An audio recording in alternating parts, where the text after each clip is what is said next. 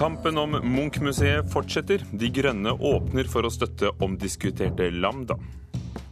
Jeg syns det var skikkelig frekt, og det var skikkelig dårlig gjort. Sjokk. Han spilte tre fantastiske sanger, så gikk han. Sånn reagerte folk etter at R&B-sanger Frank Ocean ga seg etter få låter på Øyafestivalen. Og norske Funcom har stupt på børsen etter lanseringen av nytt spill. I dag kommer salgstallene som vil skuffe eller glede aksjemarkedet. Kulturnytt hører du på i Nyhetsmorgen i NRK P2 eller Alltid nyheter. I studio Ugo Fermariello. Kampen om det nye Munch-museet, Lambda, fortsetter. Miljøpartiet De Grønne har snudd og vil kunne støtte det omdiskuterte bygget. Skjer det, mangler bare én stemme for å sikre et flertall i bystyret i Oslo for et Munch-museum i Bjørvika. Den gamle mannen til den unge mannen og kvinna som står rundt, og det her tremotivet. Bystyrerepresentant for Miljøpartiet De Grønne, Harald Nissen, ser opp på Munch-maleriet 'Livet', som dekker en hel vegg i et av rommene i Oslo rådhus. Det Munch-bildet her for meg, det er liksom som det er like mye at uh, rommet, hvordan det korresponderer med, med bildet. Munch-maleriet i rådhuset henger trygt, men mye er uavklart når det gjelder resten av Munchs verker. Etter år med krangling har politikerne fortsatt ikke blitt enige om hvor de skal bygge et nytt Munch-museum som skal romme hele samlingen til den berømte kunstneren. Det eneste Oslo-politikerne er enige om, er at dagens Munch-museum på Tøyen ikke har gode nok lokaler til å ivareta nasjonalarven. Vi bør ha ambisjoner at uh, Munch-museet skal være uh, like storslagen som det rommet her er. I fjor dannet De Grønne en noe atypisk politisk konstellasjon med Frp, Rødt, Arbeiderpartiet og SV. Sammen gikk disse partiene inn for å utrede to alternativer for nytt Munch-museum. Nasjonalgalleriet eller Tøyen altså ikke Lambda i Bjørvika. Men ting har skjedd siden den gang, og Nissen vil ikke lenger utelukke Lambda som et alternativ. Det primære for Miljøpartiet De Grønne i Oslo er å få på plass et Munch-museum. Hvis Lambda er det som klarer å samle et flertall, så støtter vi det. Jeg syns ikke det var en hyggelig nyhet å høre fra Miljøpartiet. Arbeiderpartiet og Frp vil ikke kommentere at De Grønne åpner for Lambda. Men Reza Reza, som sitter i bystyret for Rødt, sier klart og tydelig at han føler seg sviktet. Man burde holde seg til avtale når man går i et samarbeid med andre partier. I motsetning til Rødt liker Oslo Høyre det de nå hører fra De Grønne. Jeg skriker litt av glede, fordi eh, dette viser at vi nå kan komme litt opp av skyttergravene våre og få realisert et eh, nytt eh, Munch-museum. Det er Øystein Sundelins Høyre som sammen med Venstre og KrF har kjempet en foreløpig forgjeves kamp for Lambda. Men om de får De Grønne med på laget, mangler de kun én stemme for å få flertall i bystyret. Og da tror jeg vi skal kunne klare å finne løsninger utover høsten. På tross av at det enkelte partiet har jo vært ganske tydelige på at Lambda ikke er et alternativ. Jo, og så ser vi at det ikke blir flertall for eh, noe, og da må nok alle nyorientere seg eh, for å finne en løsning for å ta vare på Munchs arv. Vi avventer nå svarene på det som bystyreflertallet har bedt om, nemlig også at man skal se nærmere på mulighetene for faktisk å bygge et nytt, moderne, framtidsrettet museum på Tøyen. Det er det SV primært jobber for nå. Bystyrerepresentant for SV, Marianne Borgen, har altså ingen umiddelbare planer om å bli tunga på vektskålen i favør av Lambda-museet. Men Alle partier her har et ansvar. Vi kan altså ikke sitte og tviholde på alle våre standpunkter. Og reporter var Dario Kverme Birhane. Så mangler det altså én stemme for at det kan bli flertall for dette bygget. Kulturkommentator i NRK Agnes Moxnes, hva kan det bety at De Grønne sier de vil støtte uh, Lambda hvis det trengs, uh, der det nye Munch- og Stenersmuseet uh, eventuelt skal ligge? Ja, Det betyr jo at denne alliansen da, mellom Rødt, Fremskrittspartiet, Arbeiderpartiet, SV og Miljøpartiet De Grønne nå brytes opp. Og det var jo en allianse som utelukkende ble laget for å stoppe utbyggingen av Munch-museet i Bjørvika. Eh, nå er ikke denne alliansen fullt så hellig lenger, og det er egentlig ikke så veldig overraskende, fordi de fleste partiene i Oslo har, eller mange av disse partiene, har endret standpunkt opptil flere ganger. Blant annet så gikk jo både Rødt, eh, SV og Fremskrittspartiet inn for Bjørvika i 2008, da denne prosessen skjøt fart, og som så langt har kostet Oslo-innbyggerne 110 millioner kroner omtrent. Og Om noen uker kommer utredningene som skal ta for seg det gamle Nasjonalgalleriet og Tøyen som mulige steder for et nytt eh, Munch-museum. Eh, hva vil det kunne føre til? Altså, Det er eh, utredninger som skal si noe vettugt om eh, hva de andre alternativene, altså Tøyen og Nasjonalgalleriet, kommer til å koste. Eh, hva det betyr, altså pluss-minus ved å plassere dem der, og hvor lang tid det kommer til å ta å få dem eh, reist som nye bygg. Men, og disse rapportene da, de har jo politikerne selv bestemt, så man må jo forvente når denne, disse rapportene kommer og debatten kommer inn i Oslo bystyres saler, at rapportene blir tatt veldig på alvor. Hva skal til for at Lambda gjenoppstår som alternativ? Altså dette bygget med, med knekk på, med knekk på ja. av spanske Juan Herrero, som det var mye snakk om. Ja, det er mange som lurer på om dette bygget nå endelig er knokket. Og, og byrådet i Oslo kan ikke fremme Lambda. Det tror jeg vil oppleves som et eh, demokratisk eh, problem, for de fikk jo altså et flertall mot seg i desember i fjor.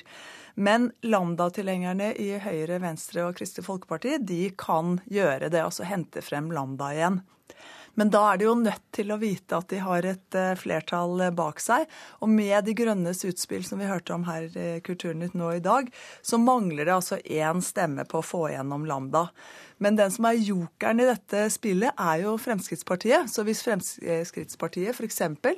bestemmer seg for at de ikke skal gå for Nasjonalgalleriet, men f.eks. gå for Tøyen, så er det Tøyen som har et flertall, og da blir eh, et nytt Munch-museum bygget der. Kommer et flertall av politikerne til å bli enige?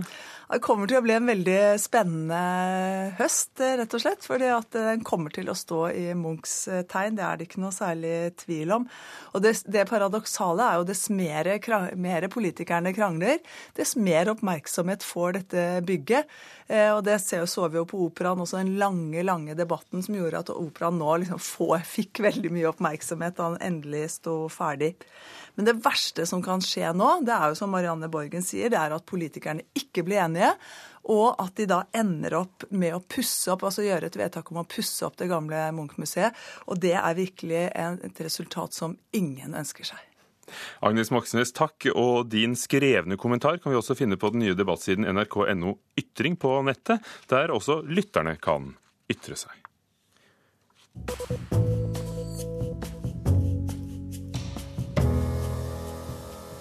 Beslutningen om å droppe utsmykking av betongtårnet i Bjørvika, vi holder oss der, i Oslo, blir klaget inn for Samferdselsdepartementet.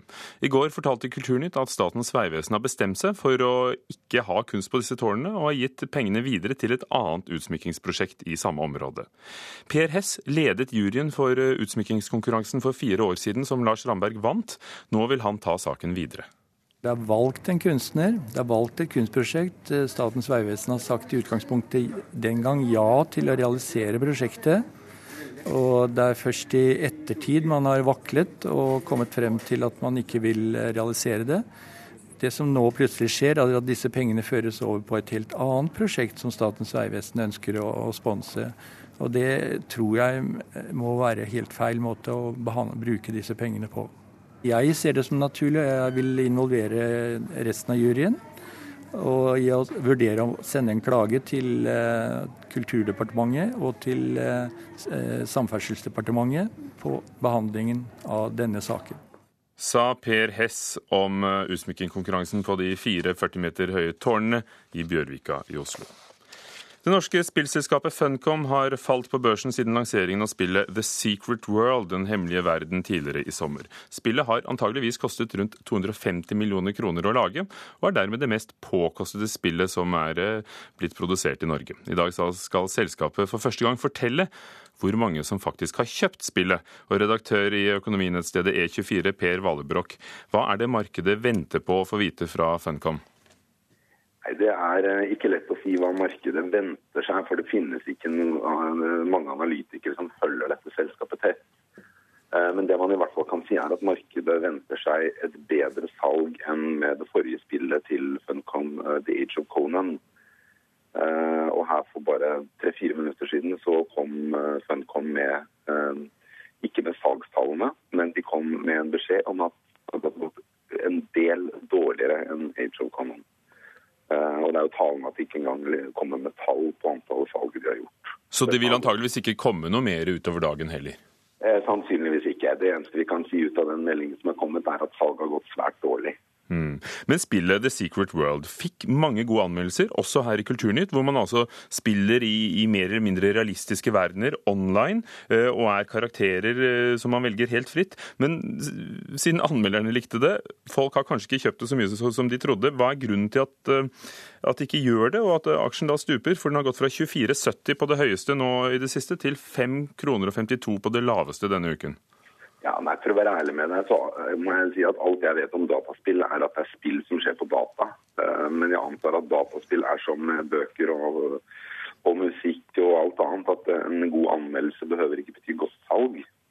Og det er jo det som viser seg ikke er tilfellet med Funcom. De får ikke til et produkt som ser ut til å. Men det er jo betegnende, som du sier, eh, at eh, det er jo finansene du ser på her. Og eh, det er ikke mange analytikere som er opptatt av spillselskaper. Så hvem er det som ser på spillbransjen som et investeringsobjekt? Det er veldig mye småsparere og såkalte aksjetradere som, som handler Funcom-aksjen for tiden, og profesjonelle investorer. Og Det forklarer nok også noe av grunnen til at Funcom-aksjen er så mye opp og ned fra en dag til en annen. For I går tok det seg litt opp igjen. Hva, hva, venter du vil skje i dag på Oslo Børs, etter det de fikk vite at nok har solgt dårligere enn Age of Conan? Med den meldingen som har kommet i dag, så ville det vært rart om ikke aksjen kollapset. Virkelig falt kraftig. Takk skal du ha, Per Valebrøk, redaktør i E24.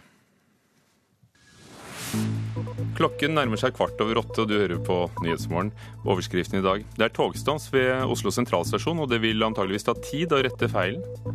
Eh, nå letes det å finne den feilen, og det er en, eh, på titusenvis av komponenter eh, som kan eh, ha det være feil med på Oslo S. Arvid Bårdstue i Jernbaneverket. FN frykter at borgerkrig i Syria kan bli svært langvarig og dødelig for sivilbefolkningen. Røde Kors sier at situasjonen er prekær. Sånn at vi er veldig takknemlige for at eh, folk bryr seg om Syria fremdeles, er villige til å gi. For de vil trenge hjelp i lang, lang tid framover. Generalsekretær i Norges Røde Kors, Åsne Havneli. Og halvparten av politidistriktene her i landet mangler oppdaterte oversikter over bygninger og steder som er spesielt utsatt for terrorangrep. Og den islandske artisten Bjørk var flott, men på feil sted, får vi vite senere her i Kulturnytt av vår anmelder. For vi skal til Øyafestivalen. Øyafestivalen der var R&B-artisten Frank Ocean i går, men han sang fire låter før han måtte avbryte. Han skal ha blitt akutt syk, og så gikk han av scenen etter bare 20 minutter. Det var store forventninger til eh, amerikaneren, som har fått veldig gode kritikker, og mange festivalgjengere var eh, skuffet. Sjokk. Jeg vet ikke hva jeg skal si. Jeg har ikke ord. Han gikk av. Han spilte tre fantastiske sanger, så gikk han. Jeg syns det var helt merkelig. Helt sånn eh, latterlig opplegg. Jeg skjønner ikke om han var misfornøyd med publikum eller hva som var grunnen. Det var helt uh, ja, veldig, veldig rart. Og så veldig skuffende, da. At så, det er så mange som har gleda seg til å se han og få høre liksom hele hitparaden, og så blir det så uh, dårlig. Jeg har liksom forventa at han kanskje ikke var en sånn primadonna, da. Jeg er faktisk veldig sint. Jeg, synes, jeg var veldig irritert. Jeg syns det var skikkelig frekt, og det var skikkelig dårlig gjort at han bare dro sånn på den måten. Det er liksom kvarter for seint, spille tre låter og så gå av. Det er litt skuffende.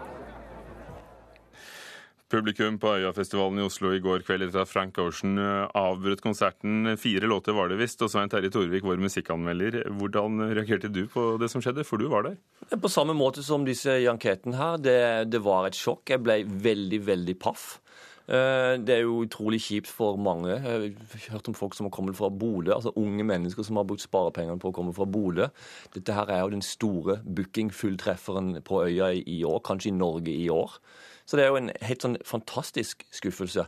Og så er det jo det at han kanskje blir for dyr til neste år igjen, for mannen er jo utvilsomt en superstjerne allerede. Men vil han, vil han kunne heve honoraret for årets konsert på fire låter? Det er jeg sannelig ikke helt sikker på. Men, hvordan var det han rakk å, å synge, da? Nei, Alt var jo såre vel. Stemninga var jo helt på topp, og han var blid. Og låtene han gjorde Han begynte veldig dempa akustisk, akustisk gitarkomp. Eh, nydelig. Soul-ballader. Eh, veldig bra fremført. Jeg hørte ikke noe feil på scenen eh, fra stemmen hans i det hele tatt. Så det var en usedvanlig lovende start på en konsert, for å si det sånn. Men Hva skjedde da det ble avbrutt? Nei, altså, Han hadde akkurat fått reist seg opp fra denne stolen som han satt på i begynnelsen, så temperaturen begynte akkurat å øke litt. Grann. Og, og, og så var det en, ferd, en, låt som var over, og så gikk han av scenen. og Så begynte bandet på neste låt, og så stoppa de, og så gikk de av. Og så sto vi der i villråda i to minutter, tre minutter, fire. Så kommer de ut og sier det blir ikke noe mer Frank Ocean-konsert. Akutt syk, mista stemmen. Veldig pussig, egentlig. Hm. Takk skal du ha, Svein Terje Torvik.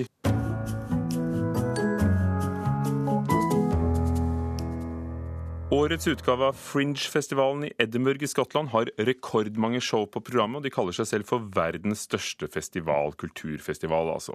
Martin Beyer-Olsen er standup-komiker og har eget program i NRK P3 og er på plass i Edinburgh for syvende gang, men for første gang med en egen forestilling som altså heter Norwegians of Comedy. Og Martin Beyer-Olsen, hva er det som gjør at du drar igjen og igjen? Dette er jo et eh, mekka for eh, inspirasjon. Så man kommer hit for å se det rareste og det verste og det beste man kan se innen humor, da, på, på min del i hvert fall. Kan du beskrive hva som foregår? Hvordan oppleves Edinburgh på de ukene? Det virker som at hele byen er jo snudd på hodet. Det er jo over 2000 shows hver eneste dag. Eh, og det er veldig mange forskjellige festivalområder spredt rundt i byen. og de har show inne i kirker, på toaletter, og alt liksom gjøres om til en festivalby. da. Så det er en fantastisk stemning over hele byen hele måneden. Hvor har dere deres show? Du, Vi har et uh, show under bakken i uh, en av Edinburghs uh, aller aller fineste homseklubber. Der på dansegulvet der, der har vi fått tildelt vår scene. Og så er dere nevnt til og med i avisen The Independent som en del av en stor skandinavisk bølge av humorister. Eh, hva handler det om, Norwegians of Comedy? Norwegians of Comedy er eh, Vi er tre komikere. Det er jeg, Lars Berrum og Adam Tumidajevic som har eh, ja, Primært så er det et standup-show, så vi har jo separate standup-biter. Liksom, men vi vi syr det jo sammen med en ganske absurd åpning og, og avslutning eh, som er vanskelig å la seg beskrive, men uh, de som kom bort etterpå av britisk uh, opprinnelse, sier at 'you are mad'. Og, det syns vi er ganske gøy å få lov til å holde på med her borte. Ler de? Ja, de gjør faktisk det. merkelig nok så klarer vi å få de til å le. Altså. Jeg spør, for jeg tenker at det må ligge noen språklige utfordringer når, når dere er norske og, og disse her er jo innfødte? Ja, veldig. Eh, og det, Der lærer vi jo nye ting hver eneste dag på eh, hva som faktisk funker og ikke funker, og hvordan man skal gjøre seg forstått på en komisk måte. da. Men uansett hva man gjør, og hvor skeite man måtte være i engelsken, så hjelper det med veldig veldig mye sjarme å dra på et smil. Det funker faktisk her òg. Det tror jeg er universelt. Dere er jo en del av det Free Fringe. Det betyr at det er gratis å gå på denne fineste homseklubben i Edinburgh og, og, og se på dere. Betyr det at det er så viktig for dere å spille der at dere stiller opp helt gratis? Ja, det, det er det. Så vi har jo Det som er vanlig å gjøre på Free Fringe, eh, er jo at, eh, er jo at artistene eh, men en, en, bøtte etter forestilling hvor man kan donere penger.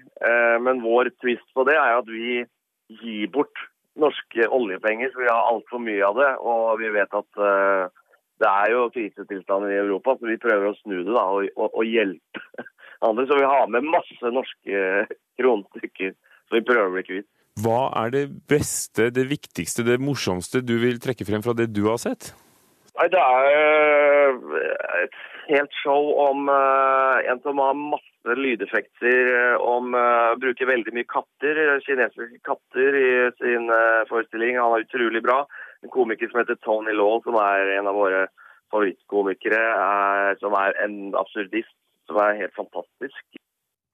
Martin Beyer-Olsen, takk for at du var med fra Fringe-festivalen, der dere fortsatt har eh, over ti show igjen i Edinburgh, altså. I Kulturnytt i dag har vi hørt at kampen om et nytt Munch-museum fortsetter. Miljøpartiet De Grønne har snudd og åpner for å støtte det omdiskuterte Lambda-bygget i Bjørvika i Oslo. Dermed mangler bare én stemme for å kunne sikre dette nye museet. Og så tar vi med at partiet Rødt eh, har eh, ikke støttet noe Munch-museum i Bjørvika, slik vi sa. Partiet har alltid ønsket å beholde Munch-museet på Tøyen. Spillselskapet Funcom vil ikke gi salgstall, men sier at det siste spillet har solgt dårligere enn Age of Conan. Og det var det du hørte i Kulturnytt, som var ved Espen Hansen, Halvor Haugen og Ugo Fermariello. Takk for oss.